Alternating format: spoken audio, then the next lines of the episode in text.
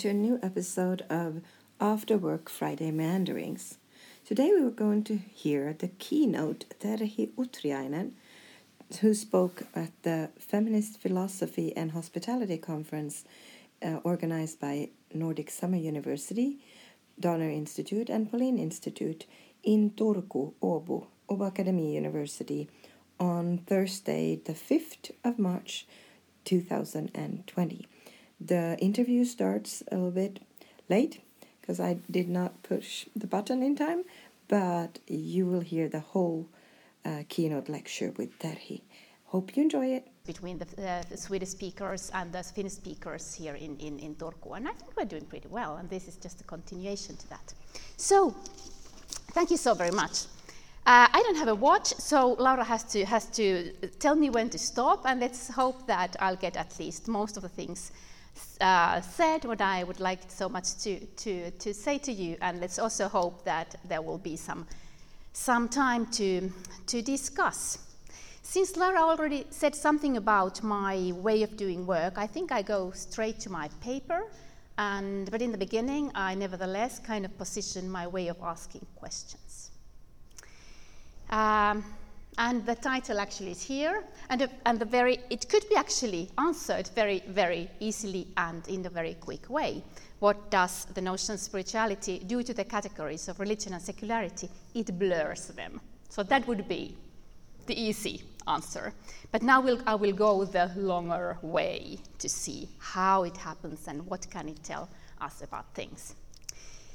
So, as my opening statement here, I want to emphasize my own academic belief in the importance of acknowledging and working with the many shades of grey and other colors as, as, they exist in often hybrid and messy, but also so enchanting lived realities. I am scholar of contemporary lived religion or vernacular religion, whichever way you want to say it. And a lot of my interest presently goes into what actually happens and takes place in those hybrid areas of identification and cultural work, in which people prefer spiritual and spirituality over religion and religiosity. The increase, uh, increasing popularity of the category of spiritual is a social and cultural process uh, well documented already by many religion scholars today. And interestingly, as many of you, you must know, numerous studies also show us that the vast majority of those identifying as spiritual, uh, uh, but not religious, spiritual and not religious, are women. This is an interesting fact. And this is actually the bigger picture that I start with today. Uh, for me, vernacular religion is a relational and critical approach that examines common religion in its dynamic relations to religious institutions as well as the surrounding more or less secular culture. I am inspired by such approaches, more general frames and approaches as feminist scholarship of contemporary religiosities, detailed ethnographic inquiries into everyday lives, as well as the idea that spirituality is a new in between category. And I want to stress it as a performative category, category with which people do things. That can tell us something quite important about cultural change and of the matters of concern that many people presently have. Something that the categories religion and secularity may miss. And then my more specific approach that you see lower there today is guided by such notions as non secular and de differentiation. And, as related to them, ritualization as well as situationality. And these frames and notions can be taken as stepping uh, stones of my presentation today, my presentation and argument. Towards the end of my talk, these stepping stones should lead us to my understanding, uh, the way that I understand the presently used category and notion of spirituality as something that I call possibility work. Possibility work enacted in the face of complexities of present day life. But the concrete area and topic, uh, ethnographers always work with something concrete and tangible. So the concrete area and topic inside which I will deal with all this is health and healing. So now maybe the next slide. Uh, so the present increasingly, increasingly globalizing health and well-being culture includes attraction towards different therapeutic orientations and methods, many of which include religious or spiritual references and ingredients. The explicitly or impl- implicitly religious healing practices go, for instance, under such names as holistic, alternative, or faith healing. And they are found in, for instance, in charismatic settings, in uh, new religious milieus, and in the, in the existing traditional medicine, but also in the much, much wider and, in principle, at least uh, to, to, to a large extent, secular nursing and caring cultures, as well as the cultures of self help and self improvement.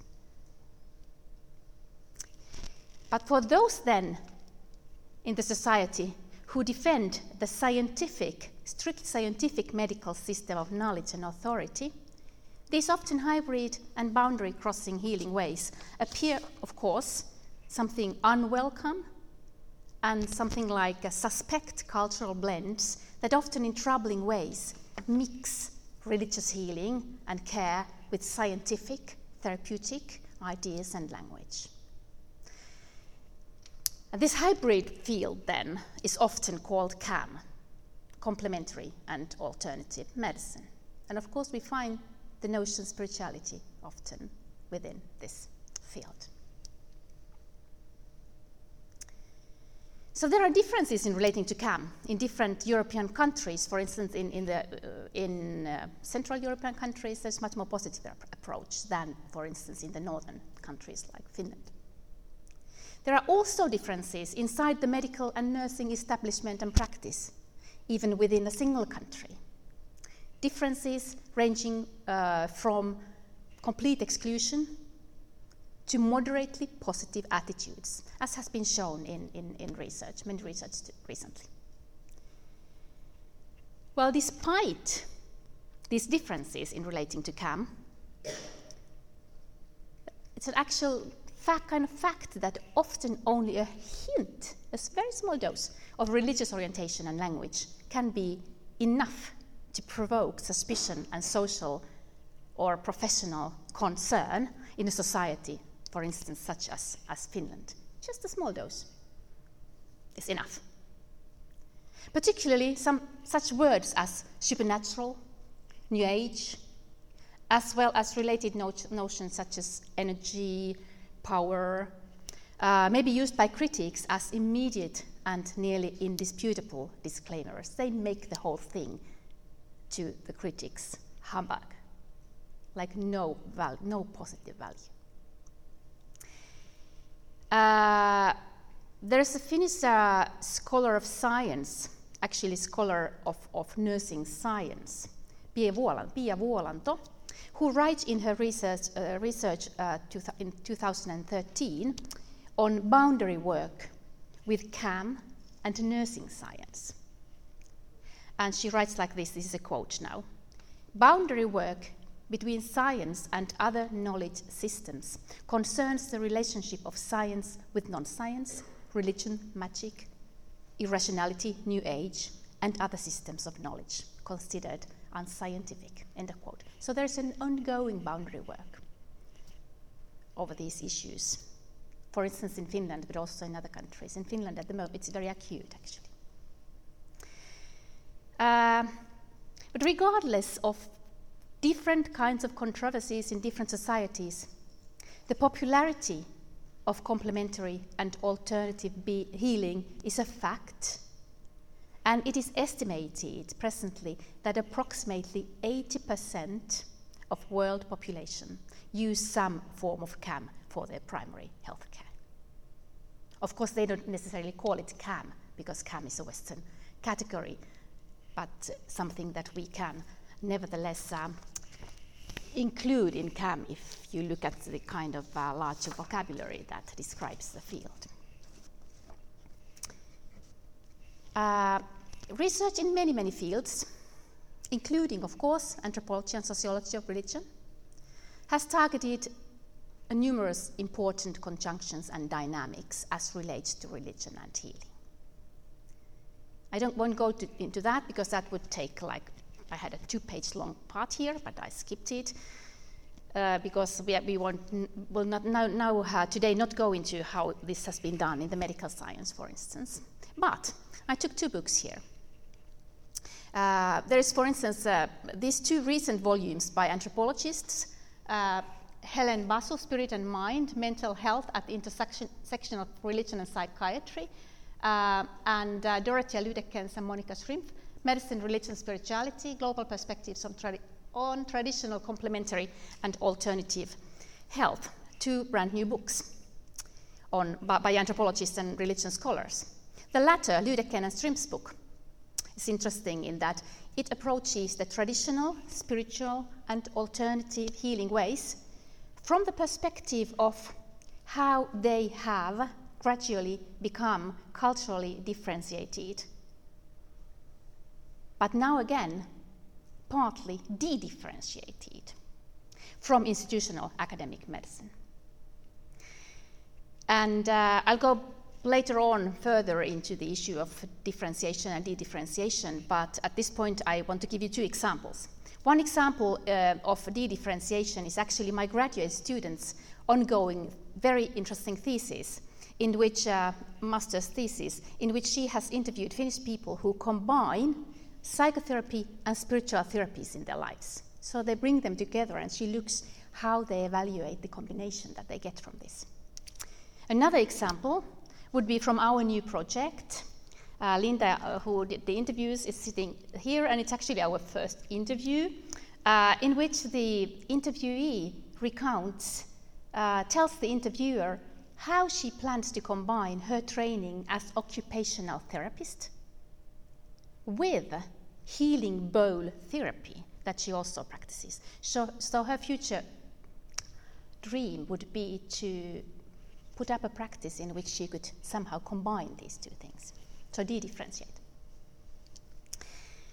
Uh, the intersection of gender and CAM has, of course, also received quite a lot of attention, and it has been noted that many practices appeal particularly to women, both as healers and as healers, within as well as outside within as well as outside official healthcare. And we will see this through my cases very much. Well, my presentation today wants to open one additional window to the contemporary culture of CAM and religiously, and religiously oriented healing and care from the perspective of, of ethnography of vernacular and everyday religion. And vernacular religion, I repeat a little bit, it approaches contemporary lay practices in their complex relations with everyday life concerns on the one hand, and social, cultural, and religious power on the other hand. This approach highlights the point of view of the practitioners, but also how their perspective reflects the critical orientations as expressed particularly by the medical establishment, but also by religious, established religious institutions. And I will now briefly present first my cases, after which I frame my approach as non secular, one stepping stone, uh, in relation to the question of secular and modernist epistemology, and point to the critical tension between the two.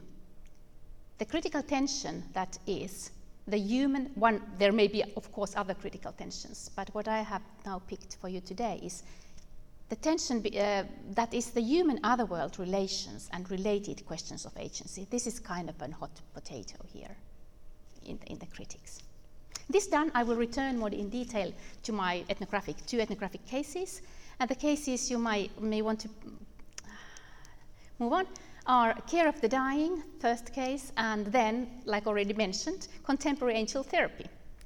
Uh, both cases strongly predominated by women practitioners precisely those people, those women who prefer to identify as spiritual rather than religious, or secular. Uh, the cases are the empirical materials uh, for the cases come from two independently conducted ethnographic research projects that in different ways relate to therapeutic and caring cultures, as well as to religion and spirituality. The first case was actually conducted a long time ago. It was my own PhD work. Uh, and uh, it is that of caring for the dying in Finland in the 1990s. Complemented by ethnographic observations, this project first uh, comprised over 500 texts written by Finnish people, 85% of them being women. Finnish people who were in different ways involved in the care of the dying, either as professionals or as caregivers, professional caregivers or, or doctors, as volunteers, or as family members. What they wanted to do and what they wrote about is that they wanted to integrate holistic care into the care of the dying. The second case then is that of angel spirituality in Finland. And it was between the years 2010 2013 that I interviewed and observed people in different ways interested in angels and identifying as spiritual, and often combining Christianity with various forms of new spirituality.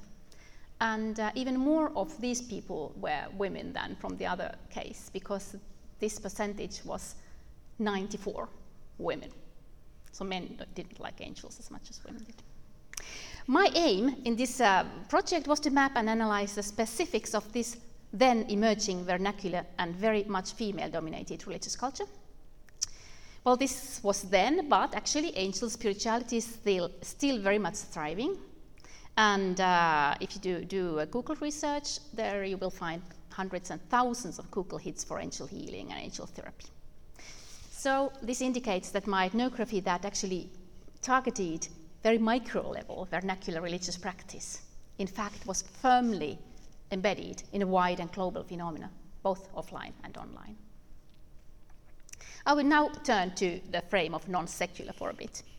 Could you switch? I don't know if you see it, it's a quote by, by Robert Orsi, and the quote says like this The modern world has assiduously and systematically disciplined the senses not to experience sacred presence. The imagination of the moderns is trained toward sacred absence. It's one of my favorite quotes. By the way, Robert Orsi is going to speak in two weeks from now in Helsinki, so if you wish, you can come and listen to him. Well, but now about non secular. Much of the uneasiness with religious presences, understood through such notions as sacred, transcendent, otherworldly, invisible, supernatural, etc., can be traced to the modernist, modernist epistemological self understanding very much as secular and this worldly. This is how modern understands itself. This self understanding includes scientifically informed knowledge seeking and validation which does not want or need the religious otherworld, and which rather seeks to free humans from its historical universes and meanings and structures, of, universes of meaning and structures of power. Robert Orsi is one person who has written about this, but several others, like anthropologist Talal Asad, have in their ways touched upon this issue. And actually, Talal Asad has pointed out that particularly difficult for the modernist approach is the ways in which religious experience and worldview can attach transcendent meaning and value to pain and suffering. This is something that is difficult in, in modernity. And this is something that we can see both done both in some traditional and also in some contemporary religious cultures. This modernist epistemic orientation connects to secular ways of understanding subjectivity and agency. However expansive and predominant this form of knowledge and subjectivity is, however, we do know, of course, that there have always been also varieties of more or less publicly visible or invisible trends of thinking, experiencing, and acting. Trends that are often labeled esoteric. And esotericism is very much actually studied here in, in, in, in Turku and in my university. These esoteric tr- uh, like trends that offer alternatives, but that also in many ways entangle with the secular modernist orientation. the more general, there have been these trends, but the more general legitimacy of these other trends of thinking has mostly, however, been relatively marginal. What is important for me is that the perspective of non secular, that I have now kind of, I'm, this is of course like working process with me. I'm not saying any, any last words over the issue. But what is important now for me with this perspective of non, of non-secular is that it, it lights not only the therapies, these therapies themselves and their practitioners' self-understanding as objectives of study, uh, as object of study, but in the spirit of vernacular religion that focuses on power dynamics, on the level of lived experience and practice. This approach, non secular approach, targets also the modern secular orientation in its often tense relations with what it regards as different and deviant. Vernacular religion approach thus also reflects and captures power that is often at least partly internalized by the practitioners. I, I just want to note here that non secular for me is a completely kind of a non prescriptive notion. I'm not saying that world should be like this. It's, I use it as an analytic lens to, to, to, to see what happens in, in these dynamics. Uh, next slide, if I may. So I will say something about religion and medicine. They are kind of old and odd bedfellows, if you like. religion and health uh, religion and medicine and religion and health. But religion and health share a long history, and the first mentions of religion already involve healing as an important context, as well as one traditional aim of religion. For instance, in the book by Lüddeckens and Schrimpf that you saw, writes on this. There is also already a long and uh, increasingly globalizing history of differentiation between religion and particularly institutional biomedicine, which is also documented and, and, treated in that book. So, I mean, there is a shared kind of a starting point, and then there is a history of differentiation. And now, today, this differentiation is partly also challenged, as already said.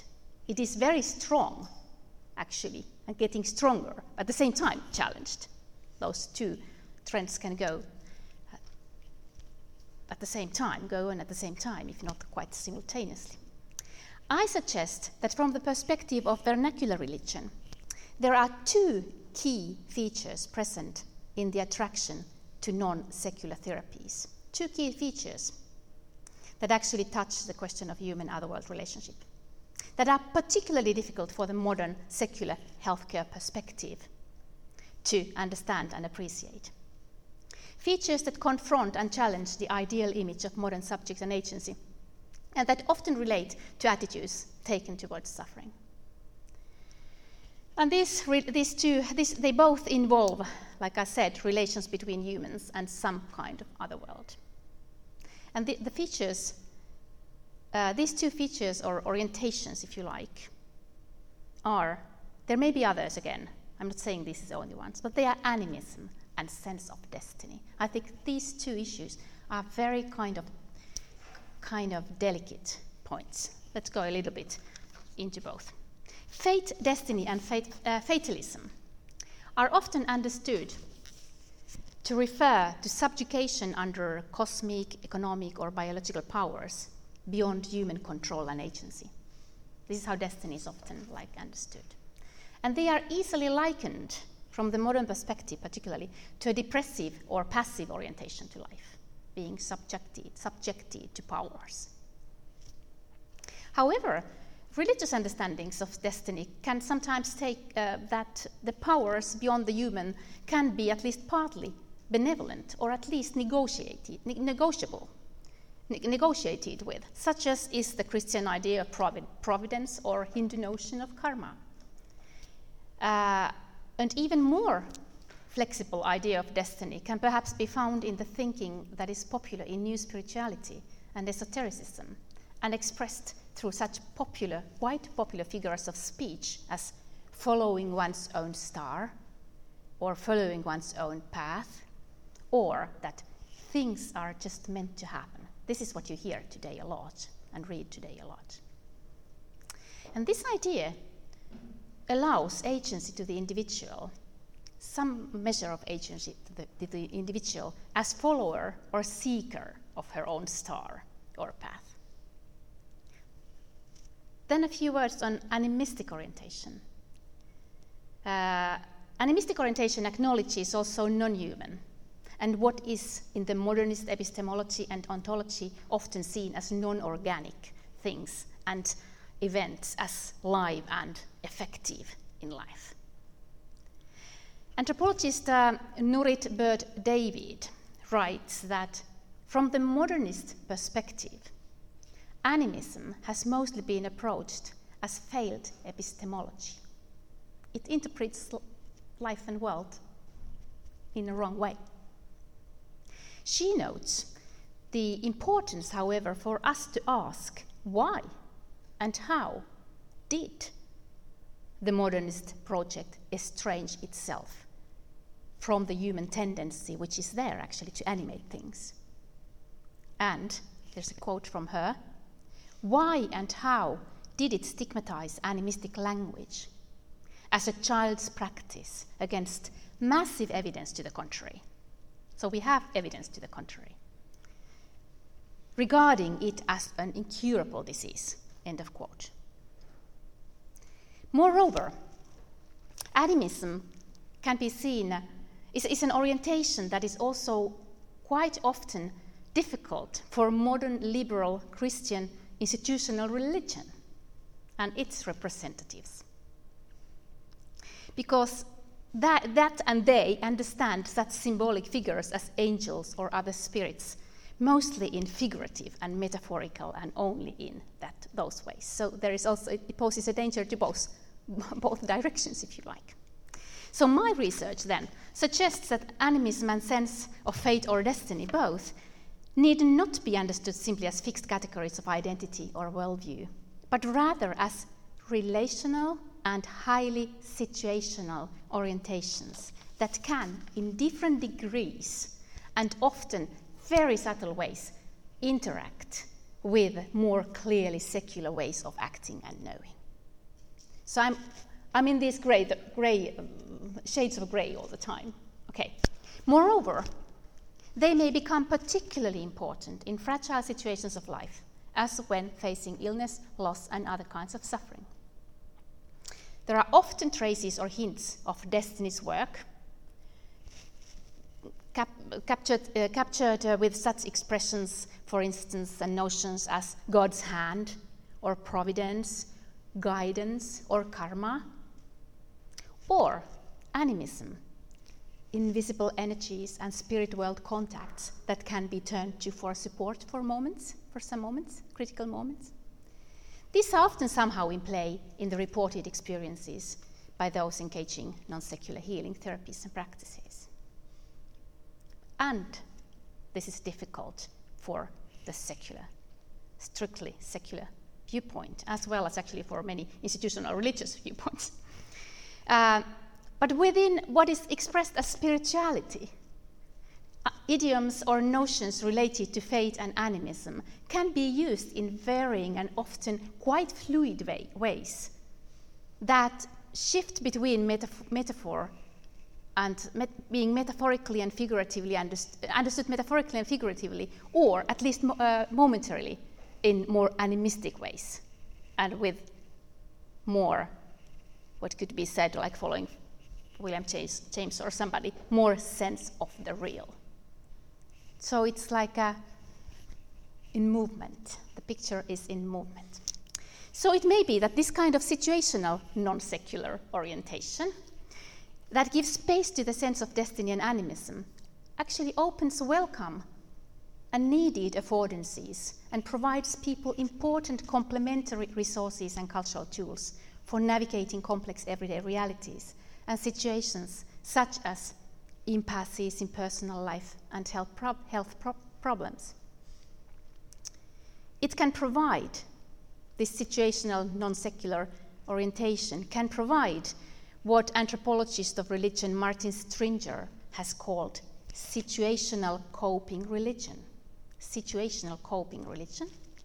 In, in critical phases of life, for instance, talking to a deceased family member or turning to horoscopes, even, can sometimes offer religious and healing devices, or devices of sustenance. I like this word sustenance if we use another religion scholar, Martin, uh, Matthew Wood's wordings. But in some other occasions, particularly perhaps the horoscopes, if we take the example of horoscopes, they would be taken merely as form of light entertainment. So it depends on the situation.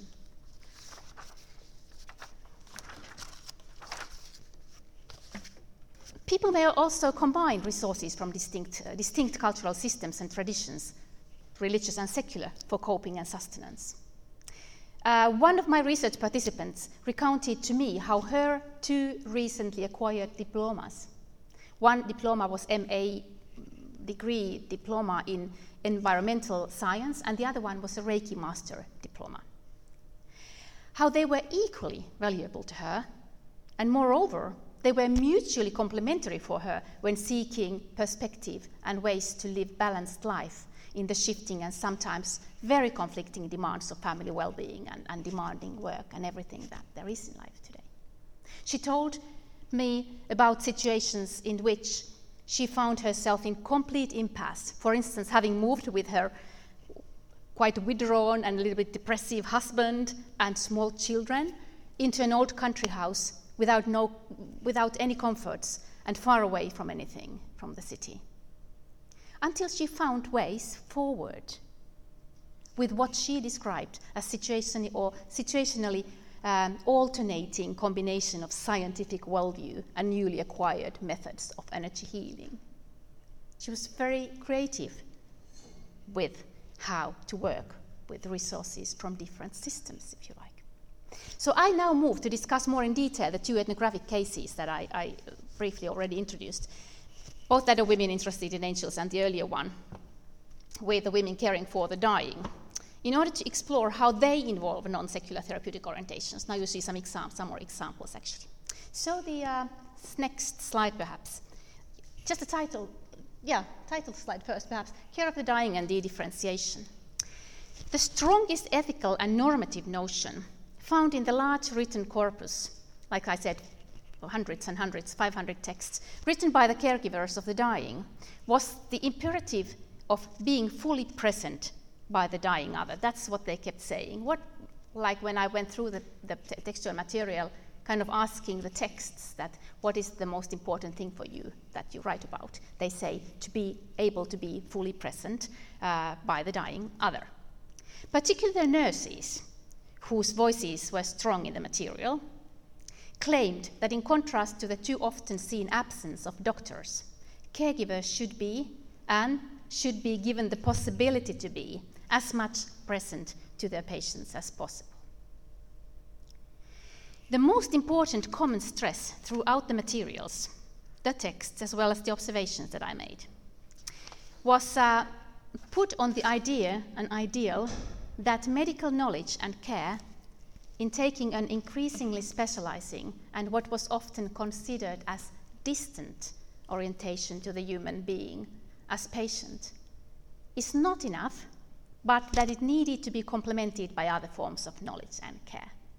So, holistic care, as it goes, has always, in some ways, of course, been inscribed in the ethos of the nursing profession. Even if today the notion, notion of holism is sometimes debated at being at the limit, limit of Hamburg in this boundary work. As actually really is discussed in this very brilliant doctoral thesis by, by, by Pia Vuolanto that I already mentioned. But the voices in my research material called for this. I have to stress again that a lot of them were nurses. Uh, the, and their voice called for more space to the spiritual or to the mystical orientation. Both kind of uh, mysticism or spirituality from Lutheran and, and, Orthodox Christianity, and also from new spiritualities. And the, now you can put the, the next uh, slide because this example highlights the import, uh, extract from the, uh, from the interviews highlights the importance of com- for them of combining concrete corporeal presence and support with possible religious presence. I don't know if you see it, I, I have to perhaps read. My principle is that if we know that a patient is dying and that there is no more hope of recovery, I will not leave her to die alone. I will be present, ease her pose, hold her hand until the end. I will stroke her hair, talk quietly, and if I know that she is religious, I will speak of God, of forgiving and being forgi- forgiven. Somehow I always find the words. You can put the sec- second quote now. Because in some accounts, then, it was a family member who told her, wrote her story or his story, um, family member of the dying patient who then emphasized the non secular orientation of nurses. So this is not the voice of a nurse, but the voice of a, of, of, a, of a family member of the dying patient. This is a valuable moment. There are angels in the room. Angels always come when somebody is dying. Very, uh, very relieved, I accepted these words by the nurse. So she's reporting these words were said by the nurse. I held them deep inside me. So this brings me to the sociological notion of de-differentiation, step stone, stepping stone.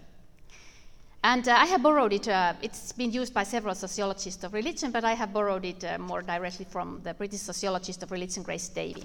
This notion uh, captures a critical counterposition towards modernity understood as legitimate process of dif- differentiation of social and cultural spheres from one another, such as, for instance, religious, artistic, and scientific institutions and, and ways of knowledge. This notion offers a possible analytic con- concept for approaching the often, for me, it offers an analytic concept for approaching the often repeated, like uh, emic expressions that are present in the ways people talk and write. That is holism or even spirituality. So I think this is a possible way of looking at those notions that describe, with which people describe their experiences. De differentiation provides an analytic ethic frame for, for understanding the aspiration for particular kind of agency of the caregivers as they were seeking alternatives to and ways of restoring uh, what they felt the modernist institutional epistemic differentiation in which their work took place. Even if many of the caregivers were professionally educated nurses, like I've repeated many times now, who Finnish nurses, uh, had undergone long and profound biomedically like uh, flavored training. They spoke to me through their texts for medical or nurse, nursing pluralism. They actually spoke very much for pluralism and for multiple and complementary epistemologies. That is, for the possibility of combining medical, religious, and spiritual perspectives and therapeutic methods. So this uh, material was not collected or constructed in a, in a field that was a religious field. It, was, it, it, it kind of represents something different, not just a, just a well defined religious group or anything like this. Well, by their call for holistic care, the caregivers' accounts suggested something that was for them beyond and more integrated uh, than the modern standardized cultural division of labor between healthcare and Christian, pastoral, Christian pastoral care. They also wanted something more than just Christian pastoral care. It was, it was definitely a, a more vague uh, field of spirituality.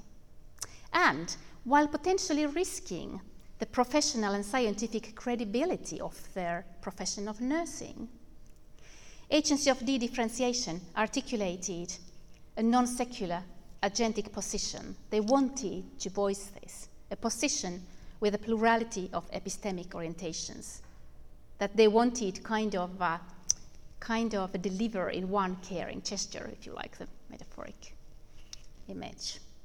This agency depicted and promoted the idea and ideal that facing death and dying could and should be possible in a different way from the uh, exclusively medical orientation or exclusively religious orientation even if it was embedded for them in the medical institutional frame and space, secular frame and space. Now let's take the second case. So now I will go to angel, angels and rituals and ritualized and participatory agency. kind of de-differentiated uh, agency. I thought that you might just be reading yourself the quotes while I go on so that I, I don't uh, lose too much time, but you probably don't see it till the end. So these are two extracts from two, two interviews. First one goes like this quote, I ask the archangel of purification, of do- purification of domestic energies to come along and to return the energies and to clear out all energy that doesn't save my family. So asking the energy, angel with angelic energies to purify home and family. The second is a, diff- from different interview, where she describes what has happened to her. It is a kind of a spiritual preparation process. You are taken into very deep waters so that you'll be made to reflect on your whole being. All those old emotional blocks and fears, and all that and you'll be made to confront all that in your life and accept and go through it. And they will be healed with angels. So, just to give you some idea about the talk that I, I received. So, angel healing was actually one of the central rituals learned and practiced by these people who were engaging angel spiritualities and other spiritualities when I was conducting my, my, my ethnography. Uh, I participated in an angel healing course in which the participants learned several ways of contacting angels and engaging healing powers and energies. Angel meditations and angel healings, rituals actually bearing these names, I mean, this is emic expression, were the most formalized rituals, like bounded rituals, in this vernacular subculture, in which entering the ritual frame and process took the participant step by step closer to contacting what they conceived as the healing otherworldly powers and what was thus often experienced as a form of guidance. I mean, it's a guidance within the ritual because you are kind of led through the process to see these, these powers. It's worth noting that, that this mode of spirituality and healing that I encountered contained quite a few features that contradicted institutional Christian doctrine, and that's why it has received a lot of criticism from, like, Lutheran uh, actors, if you like. Particularly the notions of reincarnation and karma, and the idea that angels are something that can be invited by humans to participate in any situation of life, however mundane or small or intimate uh, were clearly more vernacular and esoteric than Lutheran in, in how they were understood. For instance, the notion of karma, which was everybody believed in it, except for one of my interviewees. The notion of karma was used in constructions of understanding about illness very much, such as uh, recurrent depression, in ways that included more than one, just one lifespan of the individual. So they understood this depression is so deep. I have gone to several mundane therapists, but it doesn't heal. So it has to originate from not from this life, but from some previous lives. And karma explained why it kind of follows me.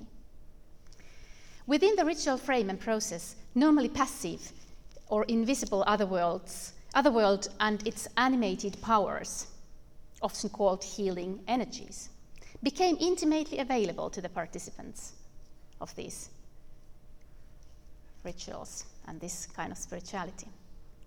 Uh, in angel meditations, for instance, we were, were made familiar, uh, the, uh, angel meditations that were made familiar uh, and practiced in peer group meetings the participants learned how to meet their own angels and to, to, receive support, guidance, and healing from them. I heard many narratives on healing from depression that you just heard here uh, through ritualized contacts with angels and other powers, spirits, and energies.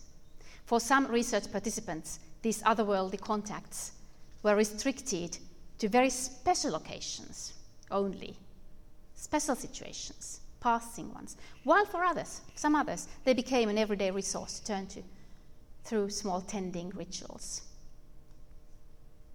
Practiced either at home or at work, and often practiced so that others didn't see, invisibly, because this is one actually feature that has been it's not only, of course, my observation that vernacular religiosity in modernity is not often expressed openly to outs- others, outsiders. Uh, it's kind of like I said, hand, handbag religion. Sometimes you can have your angels with your handbag and then just open it when, when, when, when it's, uh, it suits you. For some women, uh, the entangling or braiding together of secular and spiritual agency became to be felt not only as guiding, supportive, and sustaining, but more like even extremely empowering. Some, some people it was just like, like, uh, like supportive, and some, for some even more like powering. And one woman, hospital nurse, actually had these hospital nurses also in this other material, quite a few of them. There are many, of course, such women in Finland. What, uh, this hospital nurse recounted to me how every time when going to, coming to work, uh, she secretly, so hidden from others' view, uh, invoked the angels to purify the operation room in which uh, to, to, protect the surgical operations to be undertaken that day. So there was this angelic protection. Her colleagues didn't see it. This is an example both of now situational animism, let's bring in the angels now, and de differentiation of scientific and religious knowledge and agency. The otherworldly powers were invited, to, uh, invited ritually to interact a highly secular space of healing. Thus, and thus braided together different orientations. And as we saw, the same kind of braiding was described also in the earlier material. That, was the, that is the accounts given by the, by the deathbeds. So, one important aspect of angel therapy was that angels and angelic energies were sought for companionship and friendship and as antidote to loneliness. And this is interesting because I actually just recently read a big book about loneliness, research, anthology about loneliness in Finland. So, I mean, this is, I, I was, I was told a lot about this. And uh, this kind of uh, inviting companionship, th- it could happen either within and through rituals, such as these healings and meditations that I told you about, but it sometimes could also take place for these people in more passing quotidian situations in, in many different ways. We can talk about that later if you, if you like. So now I have like uh, two more pages, if, if you allow me the time. Where are we? Yeah. I'm kind of innocent about time. Five minutes to one hour passing. Okay. Uh, there is the other side of the coin, coin, of course. And even if the personal engagements with non secular orientations were often described in these materials in a very positive tone to the researcher. They were not without cost when people had to manage their social credibility. And this is a big issue, and it has been discussed in other research projects as well. The women I talked with, they knew that they faced the risk of non recognition or even stigma and exclusion of some form in the society or in their own family circle or in the church if they did and talked openly, acted and talked openly. This form, it could be uh, derision or belittling, for instance, the small way of doing it, but it was also important, or then just like more, more like a, even serious uh, exclusion. Despite this, many were willing to take the risk before, because of something that they gained or wished to gain from their engagement. So they had to balance, but they wanted to take the risk. Uh, non recognition and rejection were sometimes told even to have enhanced the attraction and, and appeal of an alternative that provided sustenance and at least some opening towards possible action in impasse situations. So sometimes people tell them they try to get something else, some other help. They did not get this other help, so this is something. But then they kind, kind of started to like this spiritual type of, of self help, if you like. So this reveals to me how sensitive and complex the connection between secular and non secular healing cultures can be in lived reality. And now, my conclusion. Now, mm, if there still are slides left, let's hope so. Uh, working with these two images mostly. So, towards an ethnography of non secular possibility work. I said this would be the last stepping stone. Uh, the above picture, not this picture, but the picture that I, I told you, and painted uh, today reveals a clear paradox to me. On the one hand, our contemporary culture very, very much encourages its subject, all of us, I mean, to engage their own agency and imagination in order to find creative solutions for life problems. While on the other hand, the mainstream culture is quite normative about what are the advocated forms of these engagements. So try to find your own solutions, but not any solutions.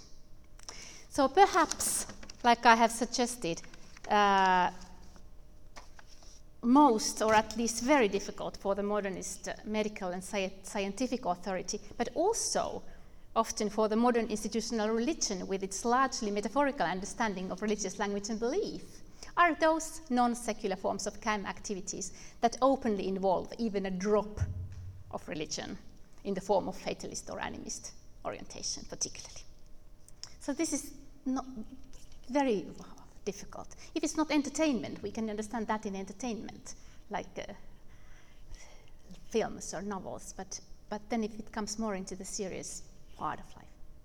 Moreover, it may be particularly difficult to many in our time to understand and accept this attraction for CAM and spirituality among modern, educated, and emancipated white adult women that these women were whom are often expect to know better.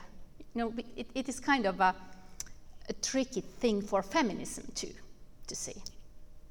But scholars of vernacular religious practices can understand the interest and engagement in medical pluralism and non secular therapeutic practices as exercise of imagination.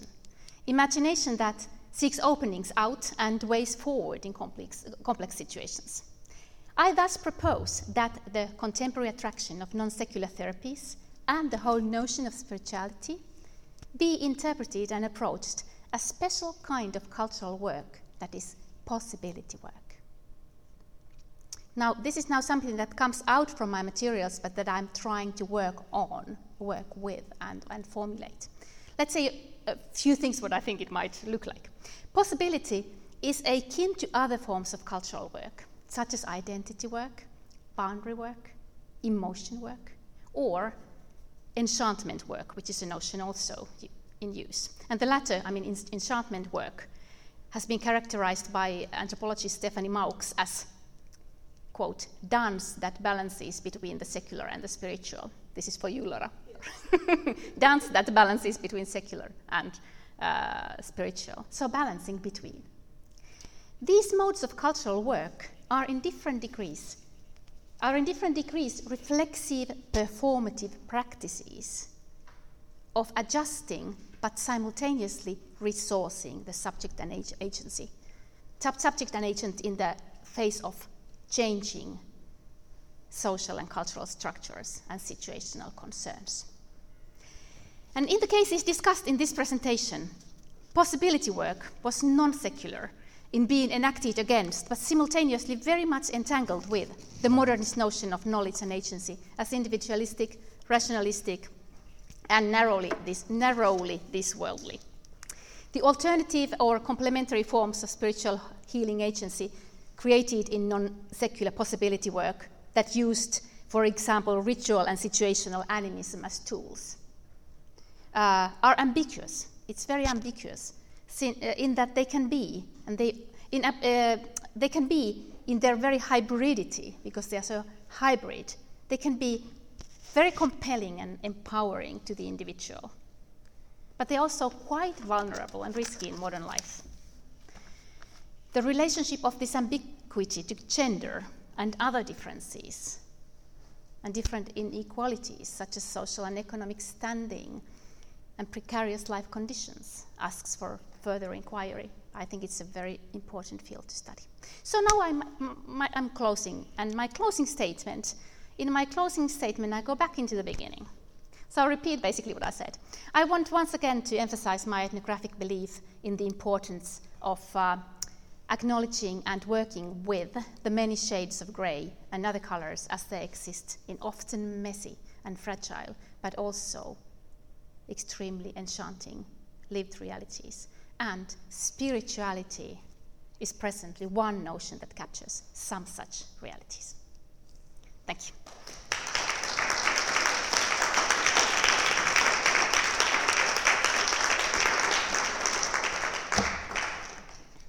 I used all my time. Yes. Sorry. No problem. you don't. Um, well, stop.